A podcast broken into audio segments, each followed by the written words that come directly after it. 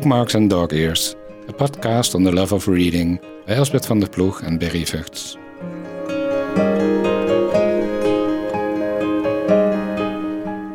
Our guest today is Ana Uribe Sandoval, Senior Lecturer at the Media and Communications Department at Erasmus School of History, Culture and Communication.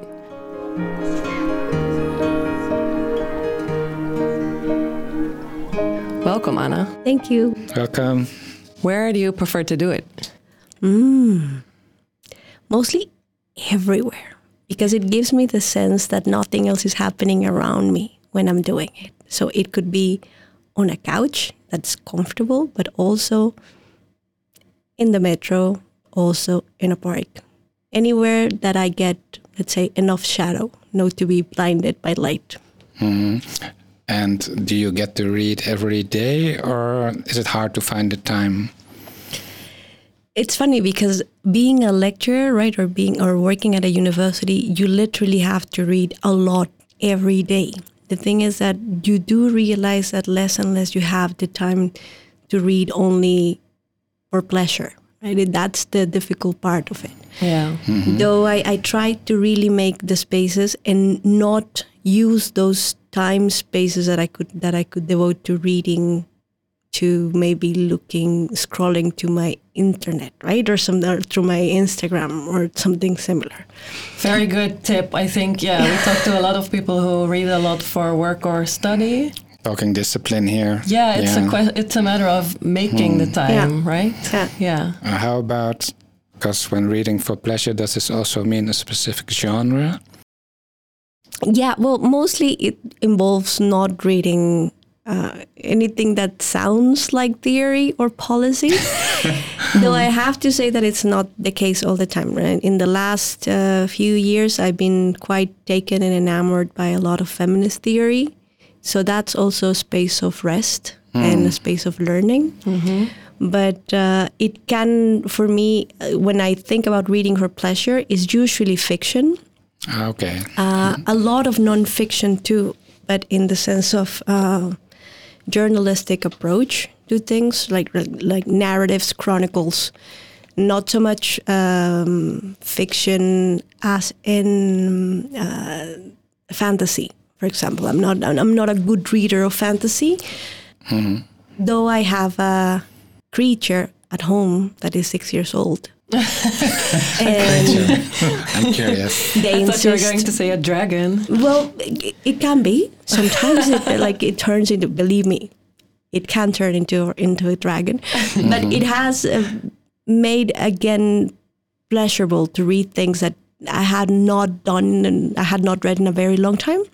But when you are like sharing with them mm, this like discovery of books, then you find yourself even reading, for example, um, the classical children's book. Yeah. Ah, And- yeah, go and- through the classics yeah, again. exactly. So- Fairy tales and stuff yeah. like that. Yeah. So in a way, going back to your question, if I, if I have the time, maybe I wouldn't make it for myself all the time. But now I'm happy because of the creature. I do have to make some kind of time to read with them. So that's a good. And is that also how you've been brought up when you first uh, encountered the whole uh, reading experience? Was this like what your parents did they read books with you the same way as you read to your creature now? I have to say no, right? And, and it was kind of like um, a different way of approaching uh, reading at, at my household. Um, what was plenty of in my house were comic books, right? So uh, like- Because this was in Mexico. this was in? Mexico. Ah, yeah. okay. I was born and raised in Mexico. And my parents, especially my mom, had a couple of collections of, of comic books. One in a specific that is called Mafalda. So it's Yeah, uh, it's Yeah. it's so everyone that speaks Spanish probably has passed through it. So it's an Argentinian uh, strip drawn by a by a cartoonist that was called Quino. He died like I think like ten years ago at the most, hmm. maybe maybe later, but more or less. But I found it so nice, right? I remember looking at the at the drawings and thinking, "This is so so div- so funny," but I really wanted to know what was in there. Hmm. And my mom uh, had other duties at the time, including my brothers, right? So she hmm. didn't really have the time to to sit down and read to me all the time. And I do think that that created my desire, like this burning desire of learning how to read, because I wanted to be able to do it on my own.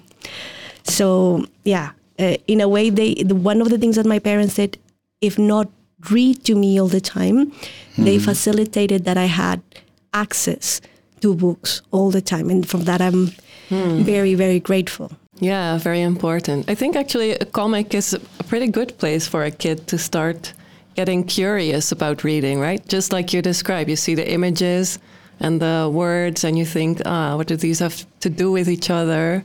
Yeah. Yeah, there's less text also to go through. Would you say that in uh, because we were talking about Mexico now, but you've told us you also lived in Spain. Now you're living in Holland. Would you say you uh, find that there's a sort of difference in reading culture in the people around you that you uh, are connected with? Uh, if you overlook these different cultures or countries. No, uh, absolutely right. And I have to say that one of the things that I always admired of the Dutch, uh, uh, the, the Dutch in general, right, is the amount of reading that happens in the Netherlands, right, and the amount of writing. I sometimes I go into the in the bookstores and I think, okay. In this country, there are 17, 18 million people. How many people are, re- are, are writing a book, right? It seems to yeah, me that about there's one million. yeah, exactly. Seems So- like it. but it like the fact that there are many books that many books being published also tells you that there's like a very heavy uh, habit of reading and i think that's very important. That also makes the country independent in different ways right? In, in terms of independent thinking. Um, i keep on reading these reports that say for example that uh, Dutch children are the happiest children in the world, right? And and I think part of it comes from this freedom that comes with reading, with with the habit of learning about your own spaces and decided what you want, the, the own the the different worlds that you want to see in a way. So I hope so. It sounds really optimistic. Now, at the moment, you read a lot about Dutch children not reading enough, and uh, it has to do a lot with education. Yeah, it's Yeah. nice to hear this perspective Yeah, for once because a bit of a generally we get the Yeah. other perspective, like people are not reading anymore, etc. Yeah. Do you have a favorite bookstore here in Rotterdam, perhaps? Yeah, well, I do remember when I started coming to the Netherlands to visit, uh, Donner was located not where it is now, but like in, in, in a different corner in, yes, that in the on center. the Lijnbaan. Yeah. Yeah. I used to work there actually. Oh, uh, amazing. And- and I, I They really- sold you a book or Yeah, two. maybe. probably and, and i really liked how it was it was like a maze of Yeah. books and creativity and craziness and it, it just felt like a nice space to be there right I know it had like seven floors that Yeah. building, or Yeah. more even. It was giant. And there were quite some nice events going on there. Well, Yeah. Donner now in the new setting, like, is Mm-hmm. also, Very beautiful. yeah, very I'm nice. biased, of course. Like Yeah. a book palace, I would say. Yeah, For exactly. Rotterdam. Uh, Yeah. but you know there are all these spaces like that are devoted not only to reading but to books right so and they approach books in a much more um, integral way in a more organic way so when you go to the library for example the central library in rotterdam that i absolutely love Yeah, me it's too. because it's a space where you always feel welcome even in terms of noise It is Mm-hmm. Okay if you have a little noise going has a on nice atmosphere, it's doesn't quite it? rowdy for a library. I do like I remember one day there was I think it was a World Cup I don't remember exactly the year and I went in and there was like a screen and they were watching the the, the match on the library and I thought this is this is it. This is a place where I want to come. Mm. Because it's not only about books being very serious and something that you have to be sitting in a in a chair and like even mm. almost with like a specific kind of clothes. No reading and books should be something that is just by your side and coming at you at any moment. Yeah. Yeah, it's just part of your exterior, your, your direct surroundings makes you feel even already a little bit uh, relaxed, perhaps. even. Yeah. Yeah. um, we, we should uh, by now talk Get about to the your books, books. yeah. that you brought. You bought three books for us. Um, which one would you like to talk about first? Well, I was thinking uh, a few moments ago, you asked me uh, if my parents were readers, right? Or if it was like a kind of uh, a situation that happened at home that I read, that I learned how to read. And, and one of the books, the first book that I brought today is uh, Little Women by Louise May Alcott. Yeah. And this was the first novel that I read, right? Like the first long Mm-hmm. duration or long distance book mm-hmm. that I that I read. And I remember very clearly that it was bought by my mom in a supermarket. Oh, right? That wow. I was with her. Yeah, I was with her at the supermarket. Well, in Mexico, supermarkets are like these huge places where you can buy almost everything, right? Not only food. Right. And usually you had a, a space for books and and records. This is how old I was. Yes, books and records. And, and this book is uh, where's the author from, and when was it written, more or yeah, less? the book uh, Luis May is uh, an American author, and I Hmm. think it was written somewhere in the 1800s. Right? I think so. Late 1800s. late I think. 1800s. Yeah. So um, it was kind of like a very classic book that my mom had heard that it was okay for me to read. So she, because she, I remember also she asking one of my uncles that was a teacher at the time, Ah. what can she read? And she had like a sort of a list of like, oh, these are the things that it's okay that she Right. knows. So she gave me this book. From a supermarket. I'm impressed. From It's very good, actually. It makes me think supermarkets should have more books. Yeah, well, you can just like think about Donald Ducks, right? Yeah. Like you you get them sometimes because they're there with Yeah. the just standing by the coffee or or Yeah, by exactly. the sugar. Yeah. So yeah, and um, so I remember reading this book at the beginning of a summer, and in the- Spanish then? In Spanish Yeah. then, yeah. So it was not Little Women, but Mujercitas. How old were you when you read it? Eight. I was eight, and I remember this very It's quite clearly. young. Yeah, yeah. I was I was uh, precocious, voracious reader. Right, yeah. So I had gone through all there was in at home. Actually, one of the reasons why my mom had to buy books for me was because um, I've kind of went through half of the encyclopedia. And like she was like, "What are you reading about? Like maybe maybe you should be reading like a read." story." Yeah, yeah. It was kind of like a monster chair situation there. Like I was really Has this died down or still like this in a certain regard? I think it, Mm, no, it's still like that because hmm. what what's in there is like I'm horribly curious, right? I just hmm. want to know. Hmm. Yeah. In the same way that I just wanted to know what was written in those comic strips, I just want to know things and everything is nice. And one of the amazing things about this book is that it presented me with different images of women mm-hmm. Mm-hmm. that were interacting among them with such kindness and also that we're independent by themselves even though they were in, in, a, in an environment and a society that would keep them quite Yeah. mm, I don't know, well behaved, let's say. As many other readers, I think my main character, my favorite char- character is is Jo. Yeah. I right? knew you were going to say that. I didn't. Mine, of, mine too, of yeah. course. So Yeah. like this character is like this. This is a story about uh, four sister, sisters that are waiting for their parent, their father that come to come back from the war. Right, they are having Yeah. a difficult time. the And Civil this- War the is Civil going War on in the in U.S. America. Yeah.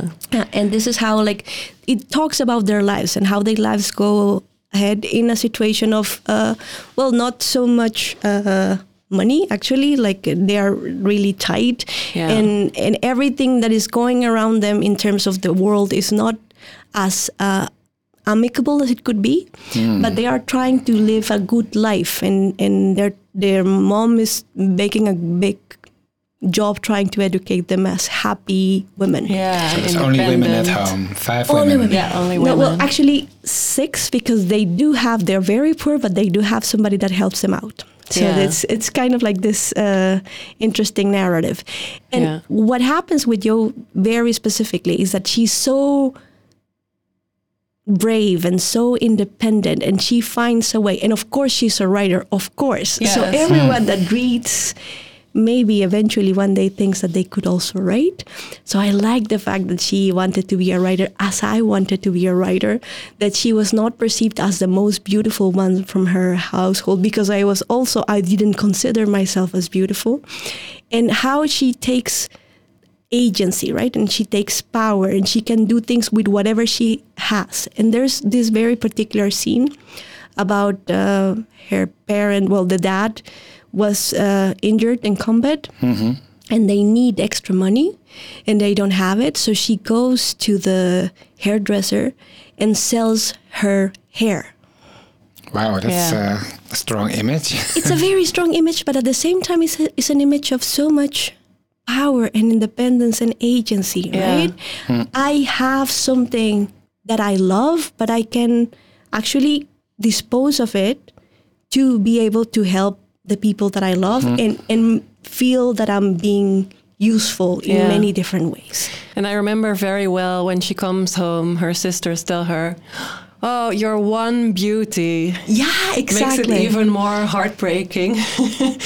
Wow, that Yeah. sounds impressive. But um, you reread it after that because you and you too, Elsbeth, know so well what's happening in this book. Is it because it stick, stuck so well in your memory, or you've been rereading it? Well, um, I think at the beginning I reread it several times, so probably I learned the the the argument by heart very early on. Then I remember losing it and that being like a disaster.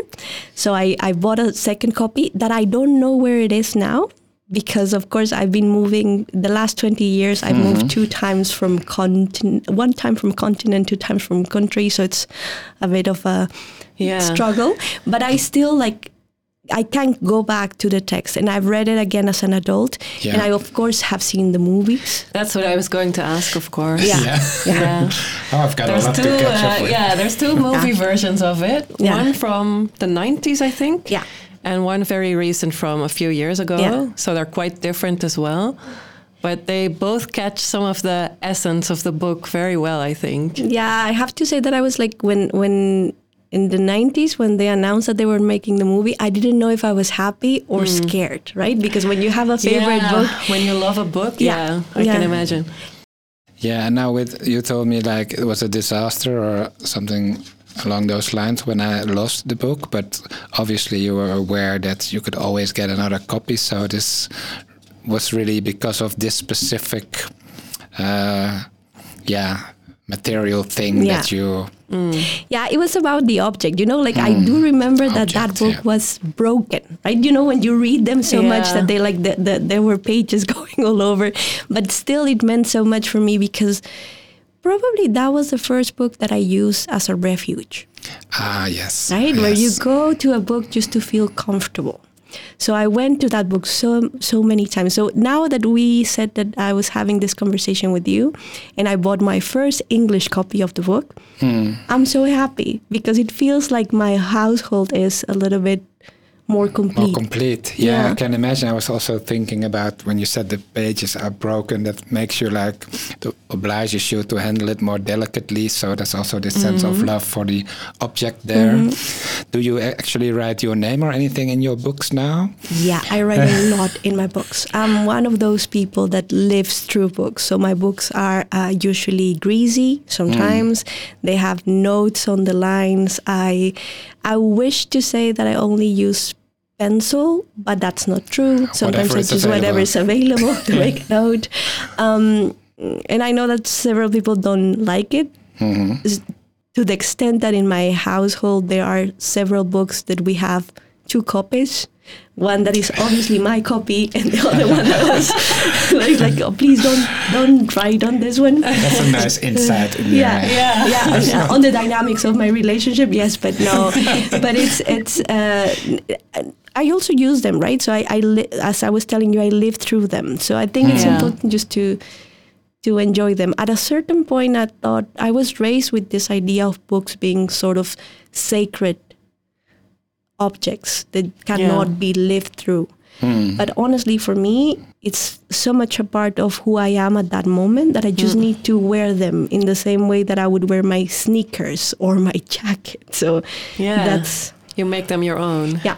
That's, Yeah. that's very understandable. And you mentioned that as a child you wanted to be a writer. Yes. Um, I mean, obviously, as an academic, you are writing a lot. Uh, do you also aspire or write fiction?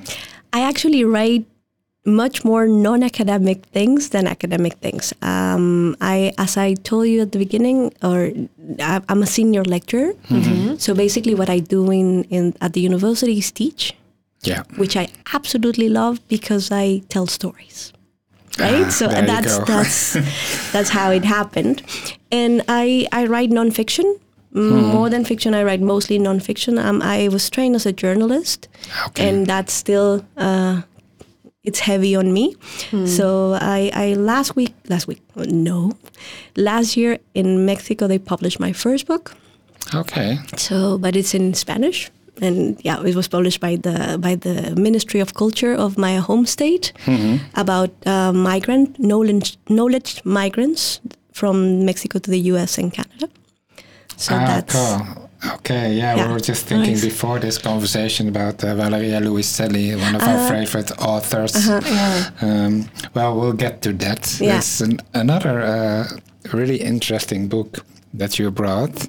yeah. That's, uh, would, yeah, Rayuela by Cortázar. Would you tell us why you love this book so much or what it means to you? Of course. Um, so I brought. I, we discussed one of the my first book that was, let's say, the book of my childhood, and then I brought a book from my teenage years. Right. So in Rayuela, it's a it's a book that it's quite romantic, and many many young adults in in Spanish speaking countries are drawn to it because it's a sort of blockbuster of uh, romantic love based on the 60s and the 70s, right? So it's kind of like easy that you have at least one literature teacher that is completely in love with the book and then passes it on, and you're like, yes, this is the, the thing that I was hoping for. And I have to say that the voice of Julio Cortázar, for me, was always very unique, right? When I started reading him when I was in, in, in high school, I think it was in high school, I was I should have been like 16. Hmm. I thought this is I can I can see this person talking to me. I can I Yeah, can the short see- stories as well, yeah. yeah, absolutely. So I first started with short stories. Interestingly enough, I think that the, my first short stories that I read from Julio Cortázar were not when I was 16, but probably when I was nine, because the the, the Spanish books, like like the language books Yeah. that were provided by the government when I was little, used to have three stories by Julio Cortázar.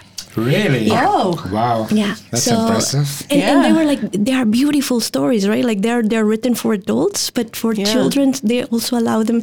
There's one that's called Aplastamiento de las gotas, and talks how, about how when it's raining, how hmm. the, the the raindrops fall and and fall into the into places and then break into different things, right? So it really helps you to work with your imagination. So Wow. f- from that, I jumped to reading more when I was in probably I was having a class of Latin American literature, and Rayuela was one of the books.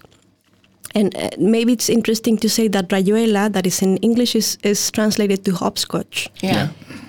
Is actually a children's game.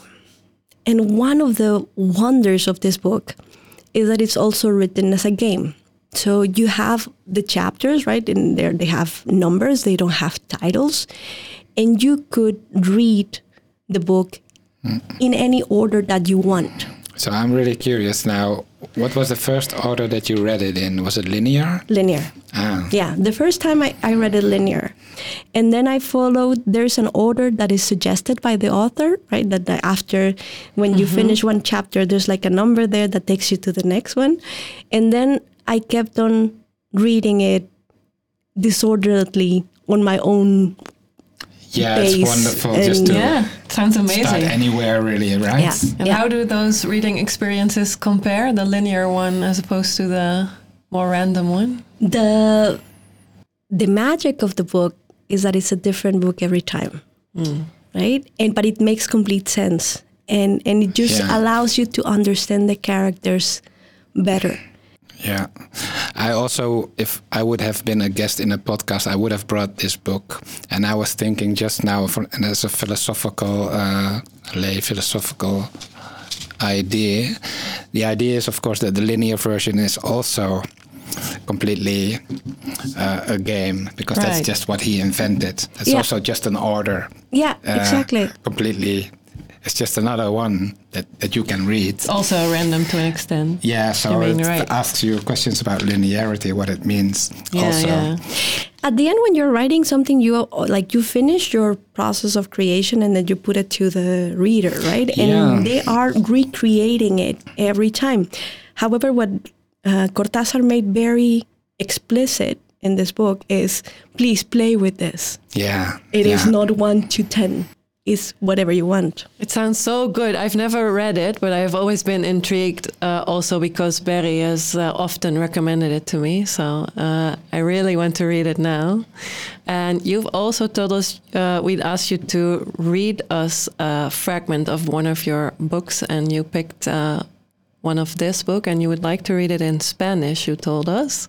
Yes, Could well, you tell us why? Of course. Um, well, what, when I was invited, this was the, the first book that came to my mind. To be completely honest, because if I have to like think about one book that has gone with me, was this one, right? And and this is a book that, among other things, is a very sensual book, right? And it really teaches you about the sensory elements of life obviously I, w- I read it the first time when I was 16, so all the hormones were there, like so everything like it's, it's the moment to to make everything like sensual and about how it feels and about being in love and everything. So and it's a book that talks about being in love, yeah. but it it makes such beautiful descriptions, right? That you want to stay with it and also enjoy how this can be described, how love can be described, right? Mm. So, and I think that literature and books have, we, we were talking about the materiality of the object, mm-hmm. but we can also talk about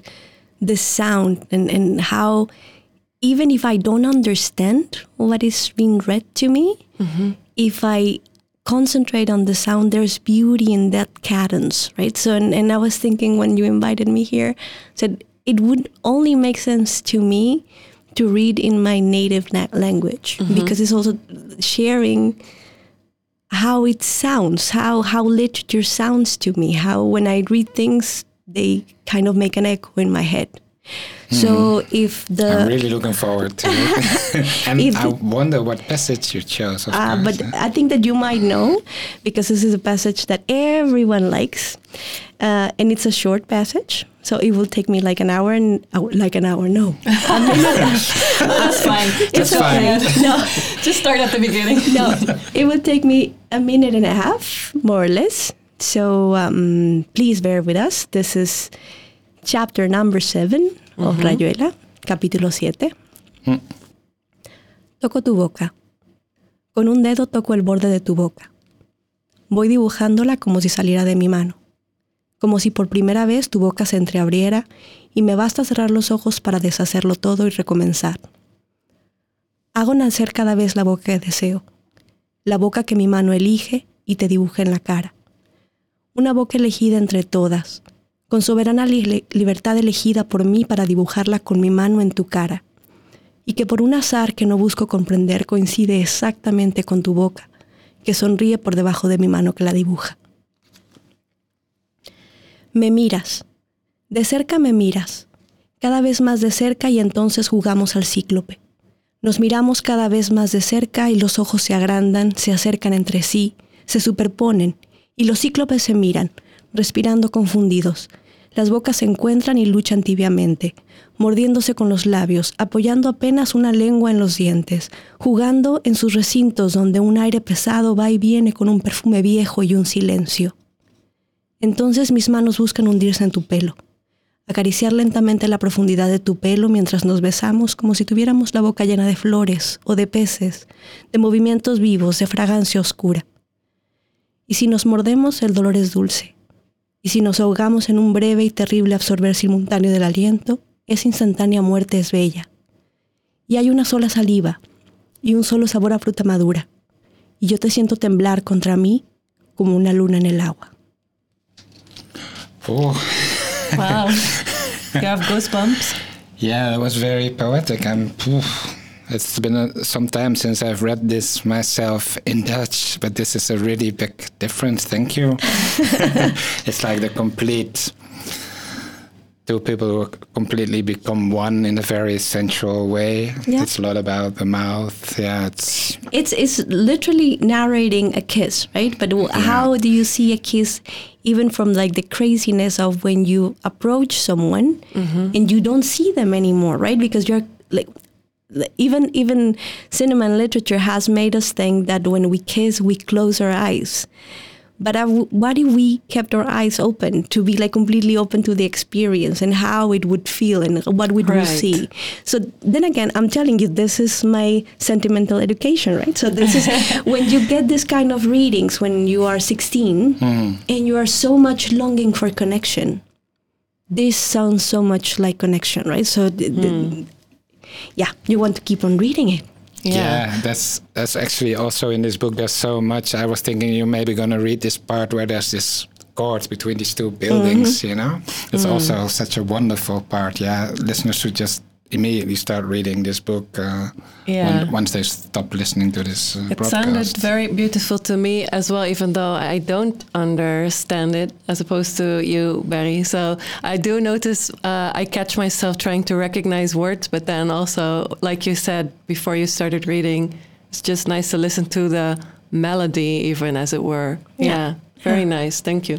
I think there's a very good translation to Dutch. I don't know how recent it is, but uh, but I, I also I always think that it is very nice when you can read a book in its original language.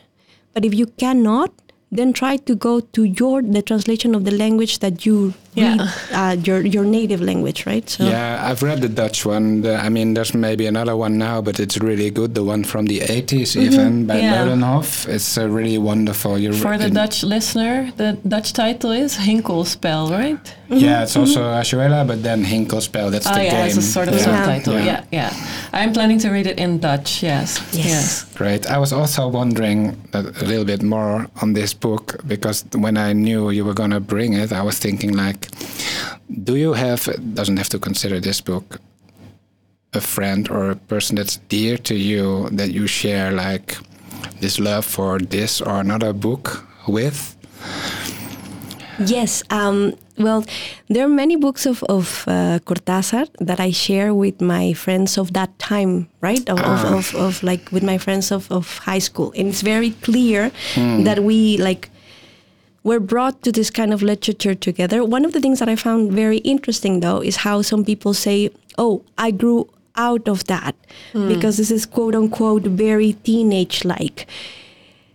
And I find that so sad, right? I, I, I wouldn't want to grow out of like those things that made me feel when I was little, and I don't reject them. And it's not like it was bad per se. But um, one of the things that I find very funny is that not this book of Cortázar, but he has another like a, a very famous short story book that is called Historias de Cronopios y Famas Yes. right? Yes, so yes. he categorizes the world in three kinds of, of creatures that are called cronopios, famas, y esperanzas. And it is more or less common that you find someone and then suddenly they talk about a cronopio. And then you look at each other and you say, You I know. know who you are. I absolutely know where you're coming from. and if you don't like it, maybe we're not that good friends. yeah. Like, oh, should I be your friend now? Yeah. I thought I knew you. So I think we should move to your uh, third book because we're running a little low on time, even though I think we could talk for another hour. I'm good. Yeah. But the third book you brought is All About Love by Bell Hooks. Yes. Yes. Why did you uh, choose to bring that one? Um, at the end, uh, there's a line in in the selection of the three books that I brought. Right, so they all, they all talk about love. They all talk about how we understand caring, and how we understand looking at each other and being with each other in a community. Eh, In the last few years, I would say the last four years, I've been really interested in new feminist visions. And Bell Hooks has been an eye opener for so many things, right? Um, um, she died two years ago, and I, I still, it still reverberates in me the sense of loss that I had when I knew she died because she is such a clear, uh, wonderful, uh, kind speaker, right, to the issues of our times.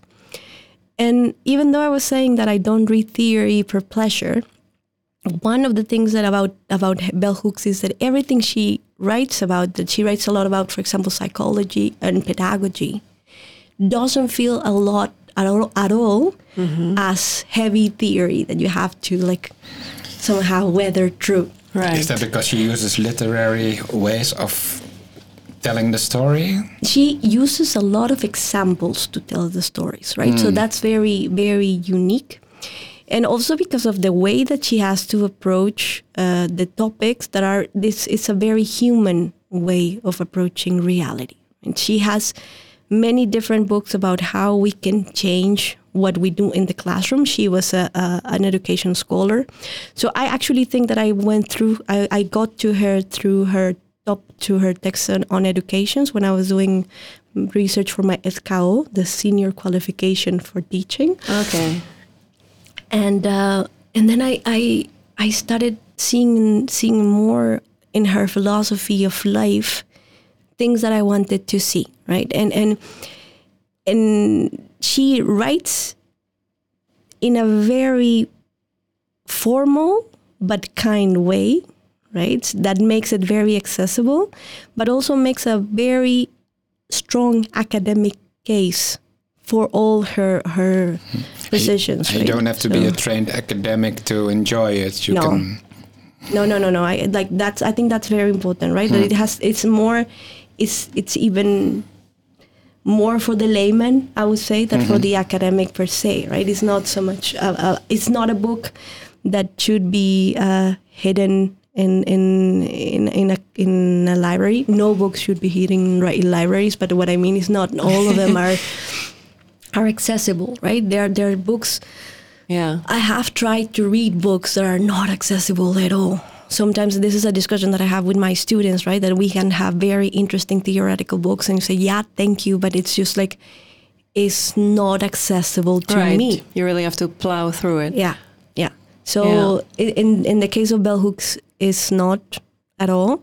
And all about love. One of the reasons why I brought it is that I think this is the fifteenth copy that I find.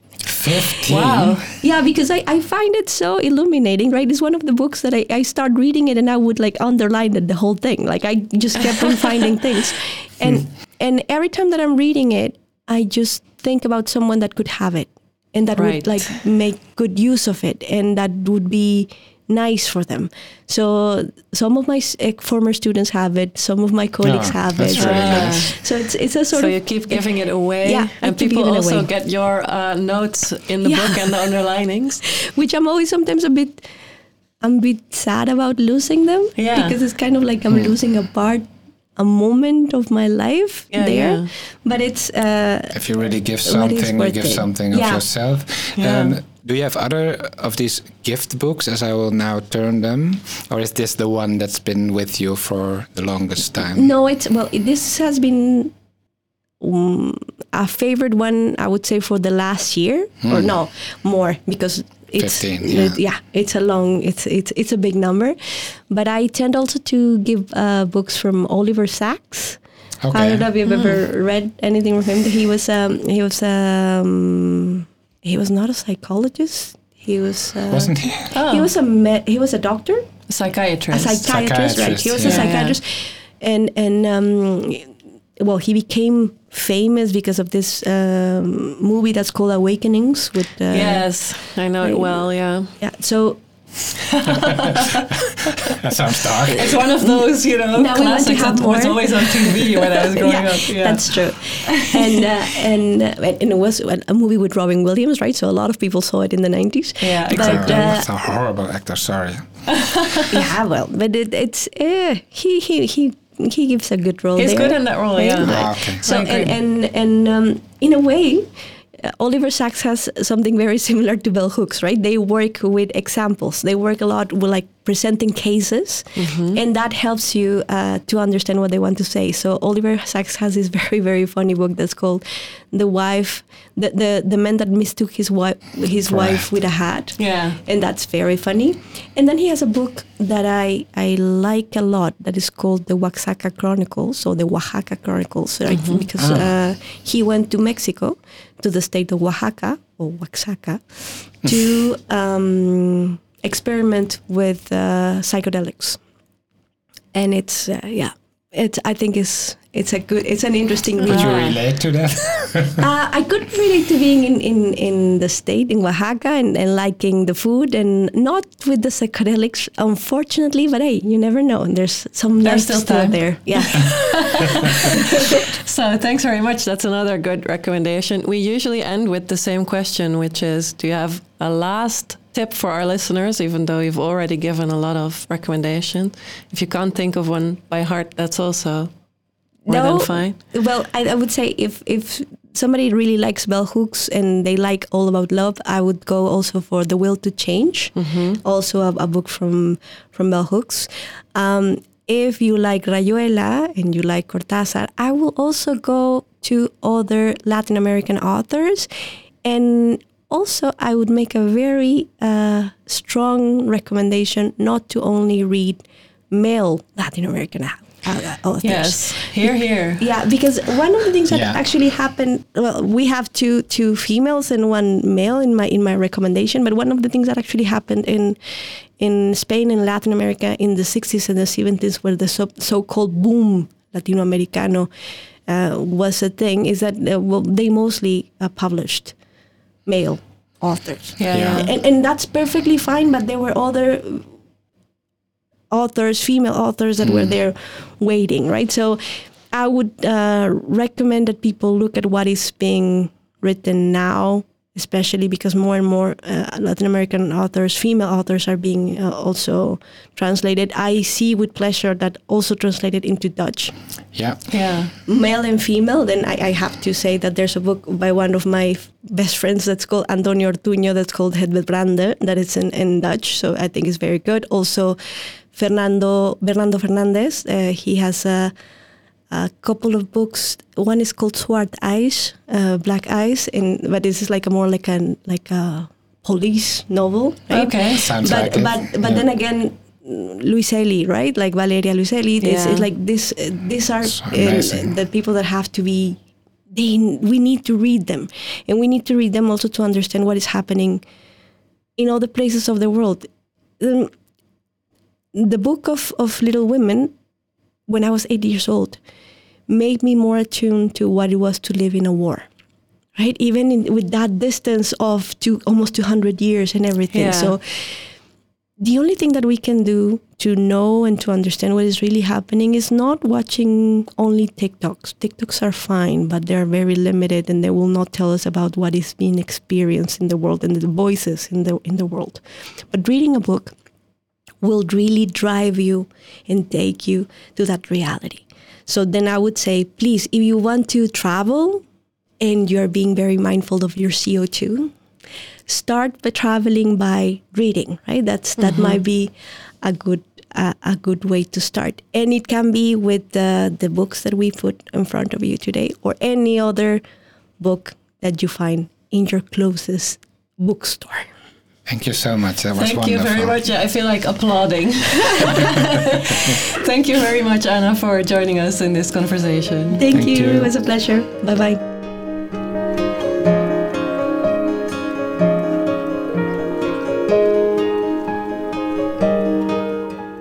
You listened to a podcast bij de Rotterdamse Leeskabinet, Your Humanities Library at Campus Woudestein.